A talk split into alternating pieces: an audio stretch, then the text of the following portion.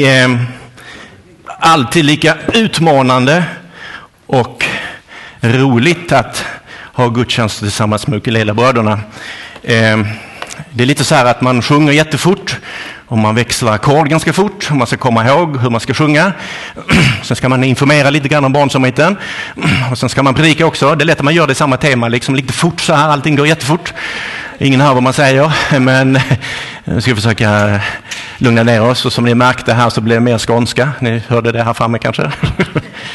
Jag kan inte riktigt tro för det. Ni får skylla på mina föräldrar. Det är därför det är så. Eh, min, eh, ibland så när min fru är med på gudstjänster så kan hon sitta nere i kyrksalen och då gör hon så här. Så, och då betyder det att försök prata lite mer svenska, inte så mycket skånska. En gång när uckebröderna var i Bildal utanför Göteborg, vi har haft tre möten, helg, lördag, söndag, söndag. Vi var trötta. Eh, vi var trötta och ville åka hem till Jönköping och jag skulle predika på kvällen där. Ehm, efter ett tag i gudstjänsten, fem minuter, så är det så att min fru och en annan tjej där, de håller upp en stor skylt längst bak i kyrksalen så här. Och de har skrivit med stora bokstäver, lägg ner, skrev de. och då tänkte jag så här, ja, jag måste gå emot det här, tänkte jag. Nej. Ehm, men, jag höll ut där och predikade. Ehm, och, det blev en fantastiskt fin eh, gåva som kom till barnsamheten sen 14 dagar senare. En man som blev så berörd i sitt hjärta och från sitt företag skickade pengar till ett projekt. Och då tänkte jag så vad bra att jag höll ut där och inte såg på den här skylten som var längst bak. Men, men väldigt roligt så här i efterhand att det kan bli så dråpligt. Eh, så sitter du här nu och håller på skylten så lägg ner den för allt i världen. Det här är liksom bara lite mellanslack här nu tills vi kommer till predikan. Här. Eh, jag ska säga någonting om barmhärtighet den här förmiddagen. Och det går på det här spåret som vi har talat om innan här. Eh, och jag hörde och läste den här eh, meningen som jag nämnde i informationen också här. Barmhärtighet börjar i hemmet. Sug, sug på de där orden. Barmhärtighet börjar i hemmet. Det är lätt att vi flyttar över barmhärtigheten på andra och att barmhärtigheten ska uttryckas i andra sammanhang, men kanske inte i det nära sammanhanget. Jag ska läsa välkända verser för er från Lukas evangelium, eh, det tionde kapitlet och ifrån vers 25. Och överskriften är där den barmhärtige samarien och Tidigare så var det den barmhärtige samariten. Och på engelska så blir det den gode samariten. Det finns många olika varianter där. Men vi läser ifrån den 25 versen där och ett stycke framöver. Så eh, luta dig tillbaka och lyssna på bibelordet som kommer i skånsk version här då. Då kom en laglärd fram och ville snärja honom och fråga Mästare, vad ska jag göra för att få evigt liv? Jesus sa till honom, vad står skrivet i lagen? Vad läser du där? Han svarade, du ska älska Herren din Gud av hela ditt hjärta, av hela din själ, av hela din kraft, av hela ditt förstånd och din nästa som dig själv. Och Jesus sa till honom, du svarade rätt. Gör det så får du leva. Då ville mannen försvara sig och frågade, vem är då min nästa? Jesus sa, en man var på väg från Jerusalem ner till Jeriko och råkade ut för rövare. De slet av honom kläderna och misshandlade honom. Sedan gav de sig iväg och lämnade honom där halvdöd. En präst kom händelsevis ner samma väg och när han fick se mannen gick han förbi. På samma sätt var det med en levit. Han kom till platsen, såg mannen och gick förbi. En samarier, eller samarit, som färdades samma väg kom också dit. När han såg mannen förbarmade han sig över honom. Han gick fram till honom, hällde olja och vin i hans sår och förband dem. Sedan lyfte han upp honom på sin åsna, förde honom till ett värdshus och skötte om honom. Nästa dag tog han fram två denarer och gav åt värdshusvärden och sade, sköt om honom och kostade mer ska jag betala när jag kommer tillbaka. Vem av dessa tre tycker du var en nästa för mannen som hade råkat ut för rövare? Han svarade, den som visade honom barmhärtighet.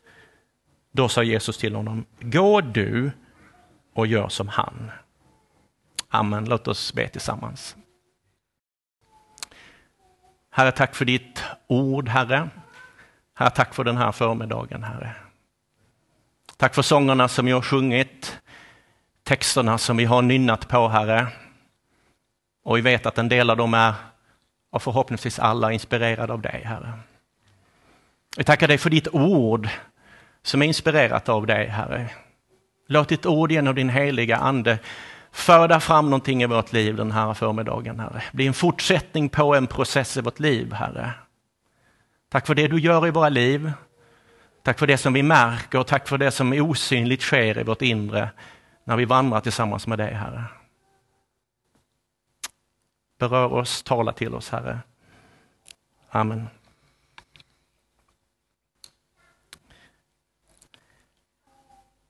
Man får väl säga att det här meningen som den här skriftlärde uttalade.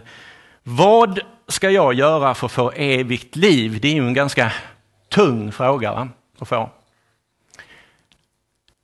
För ett antal månader sedan så körde jag med second hand-bussen i Bankeryd. Ehm, och två av mina kompisar i bussen var också permitterade, vilket jag var också vid den tiden. Så jag frågade dem, men de är inte med i kyrkan, vill ni hänga på och köra lite buss för second hand? Och då sa de, det låter spännande, det vill vi vara med på.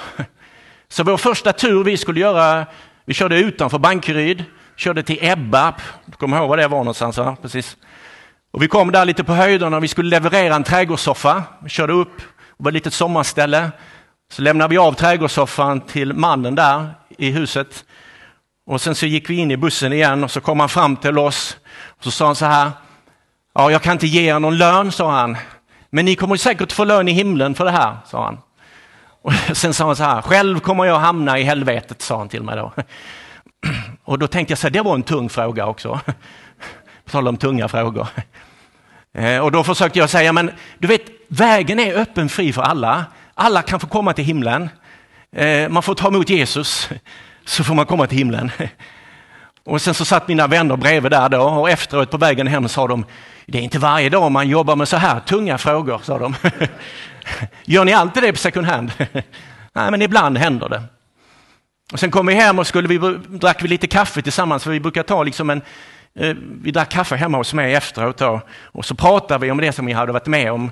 Och då sa min enda granne så här, eh, på tal om tunga kommentarer, vad jag vet så har inte han liksom bekänt att han är troende, men då satt han så här, ja Stefan, det är jättesvårt att vara troende i Sverige idag. De vet att jag har jobbat som pastor.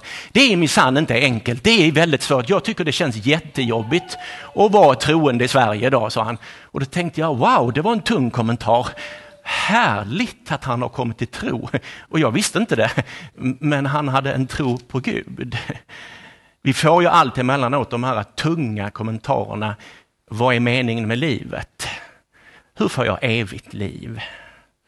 Eh, och Jesus fick den här frågan den här stunden i den här texten.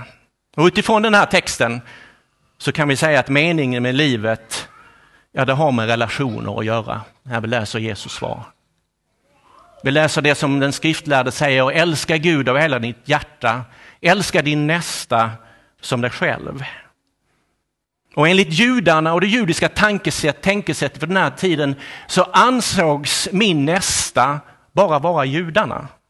Inte andra, utan judarna. Men Jesus vidgar synfältet för den skriftlärde den här dagen. Att min nästa, ja det är inte bara det judiska folket, utan också andra människor. Jag roar mig med att eh, läsa vad ordet barmhärtig betyder. Vi pratar ju om den barmhärtiga samarien. Och det finns ju besläktade ord som medkänsla, nåd, kärlek.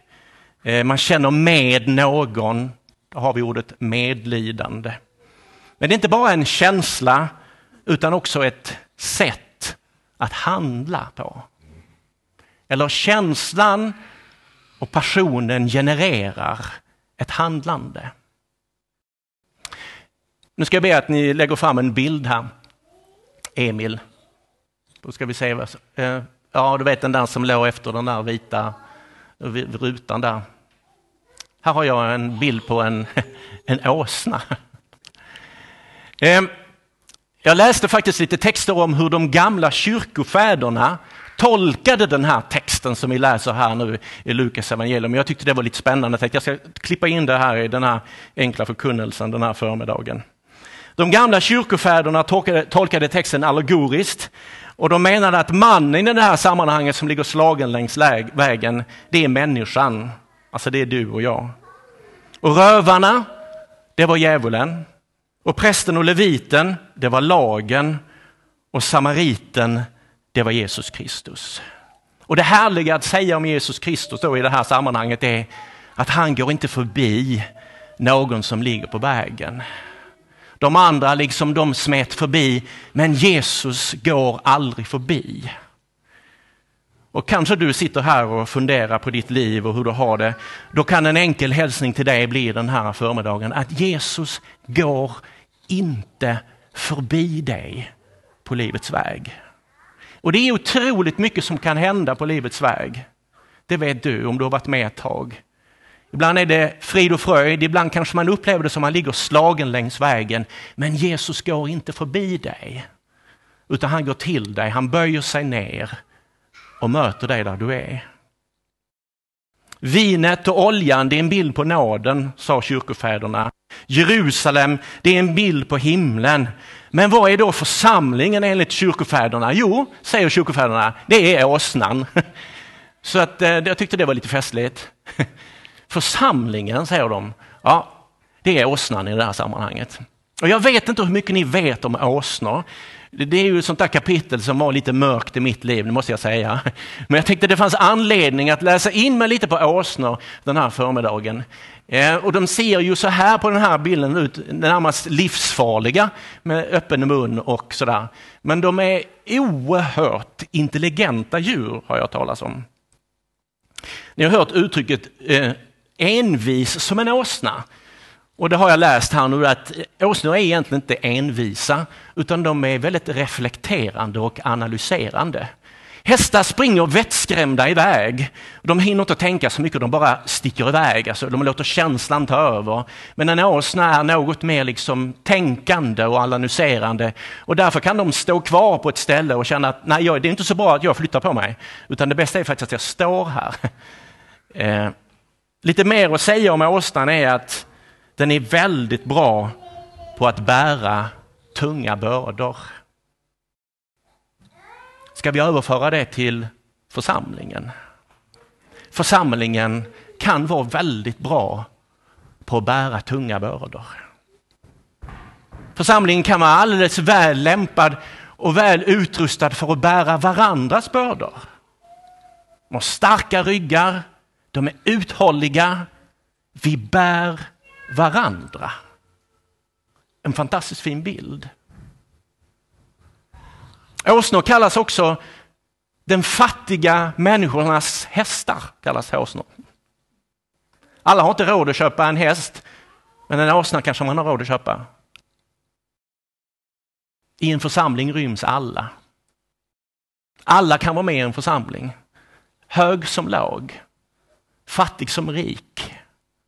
En församling är öppen för alla människor. De är sociala djur, åsnorna. De trivs bäst i grupp eller en liten flock. De är inte speciellt glada i att vara själva. Och vi har väl kanske känt i coronatider som församling att det är inte så kul att vara själv. Vi trivs väldigt bra i gemenskap. Vi behöver varandra. En församling bär och hjälper varandra men trivs väldigt bra i gemenskap. Och det är kanske ett underbart alternativ till den tid vi lever just nu, där individen och individualismen är det som råder. vi gör varandra bra i det här laget. Vi har olika gåvor. Vi uppmuntrar varandra. Vi trivs bra i gemenskap. Tittar man på en åsna också har de väldigt stora öron. Det sägs om dem att de kan uppfatta ljud på flera kilometer och mils avstånd. De kan höra andra åsnor på långt, långt, långt håll med sina stora öron. Jag tänkte det kanske också kan vara en bra bild på församlingen. Vi bär och vi lyssnar. En lyssnande gemenskap som bär människor som behöver den där ryggen, den där äh, kraften, den där avlastningen i livet. Sen är vi också lyssnande, att vi hör som församling, som det står i Uppenbarelseboken, vad anden säger till församlingen. Vi lyssnar både inåt och vi lyssnar uppåt. Jag tyckte det var spännande med åsnan. Jag tyckte det var spännande också med församlingen. Att vi får på det viset vara en bärande, lyssnande, reflekterande församling. Enligt texten här i Lukas evangelium så är det illa ställt med mannen som ligger längs vägen.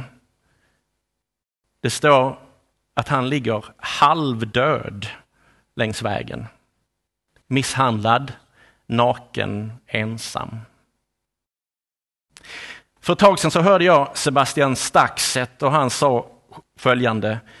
Avsaknad av kärlek förstör liv, sa han.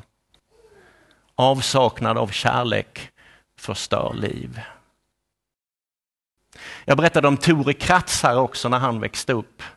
Han mötte ingen kärlek i sitt liv. Han mötte ingen omsorg, inga varma kramar. Det förstörde fullständigt hans liv. Och Jag tänker att vi som församling har en fantastiskt stor möjlighet att få ge vidare Guds kärlek i vår värld. För det behövs så väl att få berätta om upprättelse, förlåtelse, en möjlighet till en ny start i livet. Jesus upprättar den slagne mannen. Han tar med honom till värdshuset och betalar priset för honom. Och vi kan ju säga den här förmiddagen att Jesus också i sanning har betalat priset för dig och mig. När han dog och när han uppstod och genom Jesus Kristus så har vi fått ett nytt liv. Vi har gått från mörker till ljus. Han har betalt priset för oss. Vi klickar på nästa bild här.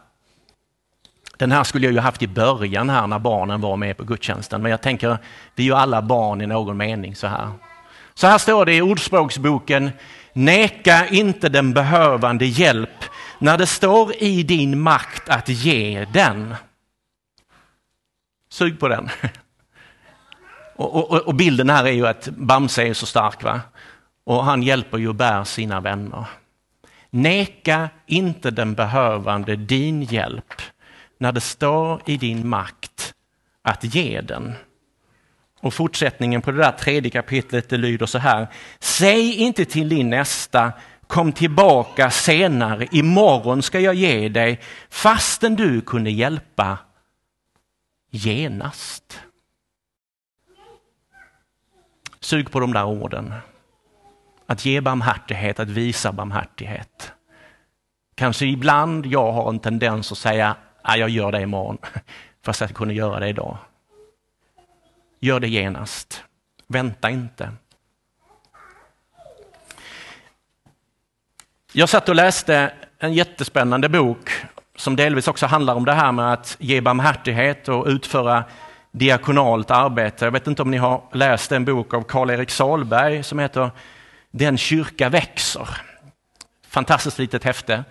Ehm, och där skriver han lite grann om hur det rent historiskt har sett ut när församlingar har engagerat sig och visat barmhärtighet till människor. Och jag tänkte jag ska läsa in och ta bara några historiska eh, utvikningar här så ska ni få se här hur det låter. Så är det så här om en biskop på 200-talet som hette Cyprianus. Det står om honom att han gav sin egendom till fatt, alla fattiga efter sin död. Det står om Ignatius av Loyola på 1500-talet att han uppförde skolor för föräldralösa barn i Rum. Han uppförde så kallade Martahus i Rum, Venedig, Bologna och andra städer där prostituerade unga kvinnor kunde få bo. Till sitt eget hem välkomnar han fattiga, hungriga, döende under den stränga vintern 1538 till 1539. Barmhärtighet börjar hemma och inte i... Barmhärtighet börjar hemma. John Wesley på 1700-talet han öppnade skolor och dispensärer för fattiga och sjuka som fick gratis vård och han protesterade i en bok om slavhandeln på 1700-talet, Thoughts about slavery. Och så läste jag då och då om Levi Petrus, jag kommer ju från pingströrelsen då, så jag tänkte det var ju bra, det måste jag klippa in här också. Vi sjöng hans sånger här nu också. Han sa så här, när han blev ny eh, kallad pastor i Philadelphia, Stockholm, så här. Då startade han ett hjälparbete för huvudstadens alkoholister. Han sa så här, det första Herren frågar oss när vi kommer till himlen, det är ju inte om vi har talat i tungor, utan vad vi har gjort för de minsta i vår stad. Det är det första Jesus kommer att fråga om. Alltså det här var ett uttryck genom hela historien för församlingens brinnande hjärta, passion, längtan att få visa och ge barmhärtighet. Inte bara som en känsla utan som en medveten handling. För jag har gått från mörker till ljus, blivit upprättad och jag får ge vidare den kärleken. Som ett typiskt kännetecken för en levande församling. Och nu kommer en liten spetsig fråga till er här nu den här förmiddagen. Alltså ta den på rätt sätt här nu.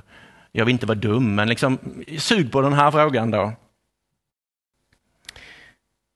Låt oss ställa frågan så här.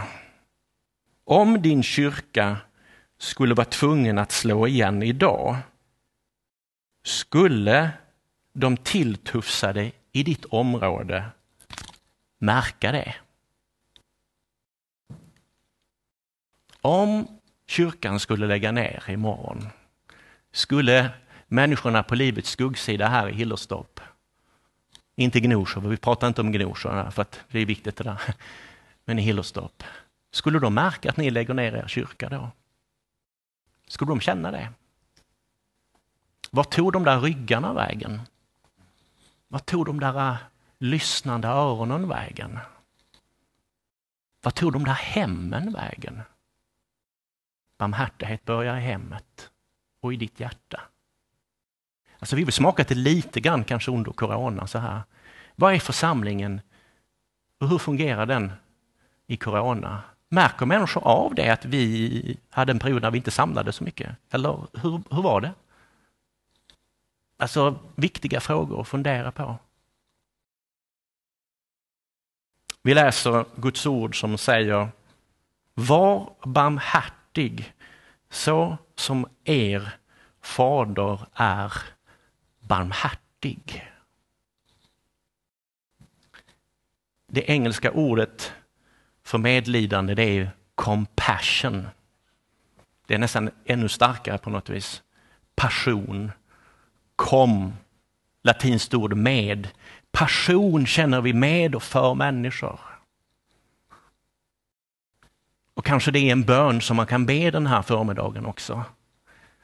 Att Gud, låt mitt hjärta fyllas med medlidande och kärlek till min nästa. Tala till mig. Ge mig tankar på hur vi ska kunna erbjuda vår hjälp, våra ryggar, vår gemenskap. Fundera på de frågorna. Låt oss be tillsammans.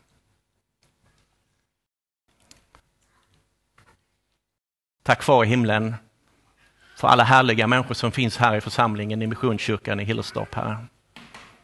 Herre, tack för alla härliga människor som har fått uppleva det i sitt liv, Herre. Tack för alla som har fått gått från mörker till ljus, Herre, och har blivit födda på nytt här in i ditt rike, Herre. Herre, tack för din kärlek som du omfamnar alla medlemmar i den här församlingen med, Herre. Herre, tack för att du har utvalt dem, Herre, och här, tack för att du såg dem innan de skapades så hade du en väg och en plan för var och en av dem, alla medlemmar i den här församlingen, Herre. Herre, tack för de tankar och visioner som ligger i hjärtan hos människor den här, i den här församlingen, Herre. Herre, ge heliga, härliga drömmar och visioner och passioner, Herre, för hur vi kan gestalta evangelium här i Hillerstorp, Herre. Fortsätta på de goda vägar som finns, Herre. Herre, uppmuntra i det goda som görs, Herre. Men Herre, ge kanske också nya drömmar, Herre. Föd nya tankar, gör att människor känner att de måste ta vägen, Herre, förbi människor, Herre. Herre, låt i den där distansens tid, Herre, att det ändå föds tankar om hur en närhet kan bli möjlig, Herre. Och hur samtal kan få tas, Herre. Hur erbjudande om stöd kan ges, Herre. Och herre, tack för att du älskar att upprätta människor, Herre. Herre, tack för att du älskar att göra nya saker i människors liv, Herre. Att få ber jag för församlingen här att de ska få uppleva dig och din heliga Ande, Herre, djupare, ännu mer grundläggande i sitt liv, Herre Jesus. Och tack för att du heliga Ande älskar när Jesus Kristus blir förhärligad genom våra liv och genom det vi säger, Herre. Vi ber om din välsignelse över församlingen här. I Jesu namn. Amen.